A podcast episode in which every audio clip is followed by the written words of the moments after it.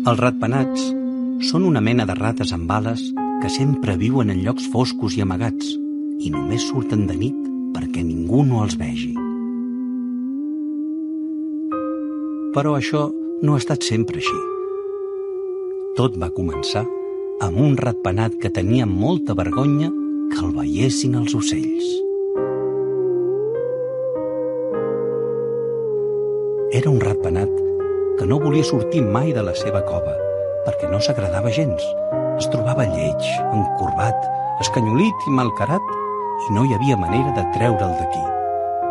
Molts dies els ocells del bosc anaven a buscar-lo per sortir a fer una volta o per celebrar alguna cosa, però el ratpenat no volia sortir mai. Soc massa lleig, no vull sortir. I això era l'únic que cada dia els ocells podien veure o sentir del seu estrany veí, el ratpenat. Un dia els ocells van reunir-se per parlar d'aquest cas tan preocupant, perquè els sabia molt de greu que un company del bosc sentís tanta vergonya d'ell mateix per no sortir de casa. I un ocell va dir Sabeu què podem fer? Donem-li una ploma de cadascun de nosaltres. Així podrà recobrir-se el cos amb plomes de colors i potser així si es veu més semblant a nosaltres, no li farà tanta vergonya sortir.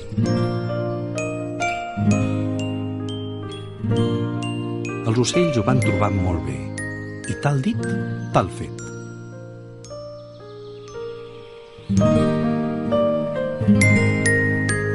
La ballarol n'hi va donar una de color taronja, el pit roig una de vermella, el blauet una de blava, el lloro, una de lila, el flamenc, una de color rosa.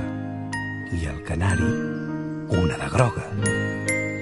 I així tots els ocells, fins que el ratpenat va tenir tantes plomes de tants colors que es va sentir l'ocell més bonic de tots. Aquell dia el ratpenat va sortir a volar per tot el bosc més content que mai amb les seves plomes de tots colors que brillàvem com un arc de Sant Martí sota la llum del sol. Els ocells també estaven molt contents, perquè pensaven que així el ratpenat deixaria de ser el rabiut solitari que havia estat fins llavors i voldria sortir amb ells. Però el que va passar va ser el contrari. El ratpenat, en veure's tan engalanat amb les plomes de tants colors, es va tornar cregut i arrogant, i no volia saber res de cap altre ocell. Cada vegada que un ocell l'anava a veure, li deia No hi ha cap ocell que es pugui comparar amb mi. Sóc tan bonic que no vull que se m'acosti ningú a fer-me ombra. Els altres ocells van quedar molt decebuts, però van esperar a veure si amb els dies el ratpenat deixava de preocupar-se tant pel seu aspecte i es decidia a fer-se amb els altres habitants del bosc. Però res. Com més dies passaven, més maleducat es tornava el ratpenat i més es reia dels altres ocells. Els ocells es van acabar fartant de les impertinències del ratpenat.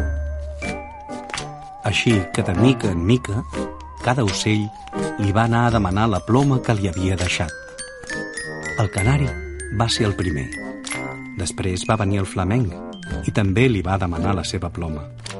Ratpenat, oi que ja no necessites la meva ploma rosa? És clar que no. És de les més lletges que tinc. Ja te la pots quedar.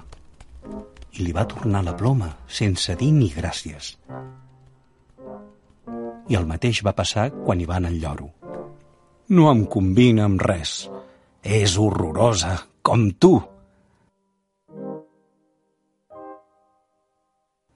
i el lloro també es va endur la seva ploma, com també ho va fer el blauet, a qui el rat penat va dir «Vols que et torni la teva ploma perquè em tens enveja, oi? Doncs aguanta't, perquè tot i així encara sóc l'ocell més bonic de tots». I així va ser com de mica en mica tots els ocells van anar recuperant les seves plomes, entre les mofes i el menyspreu del ratpenat, que aviat va quedar ben plomat.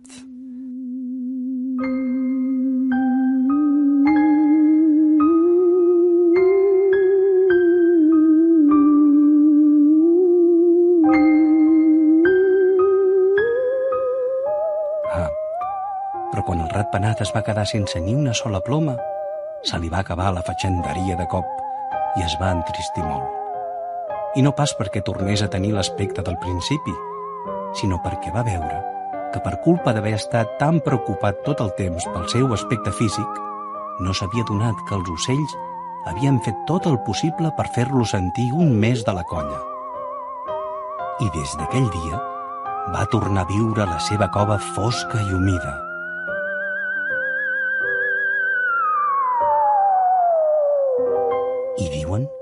Que només en surt a les nits, quan no el pot veure ningú.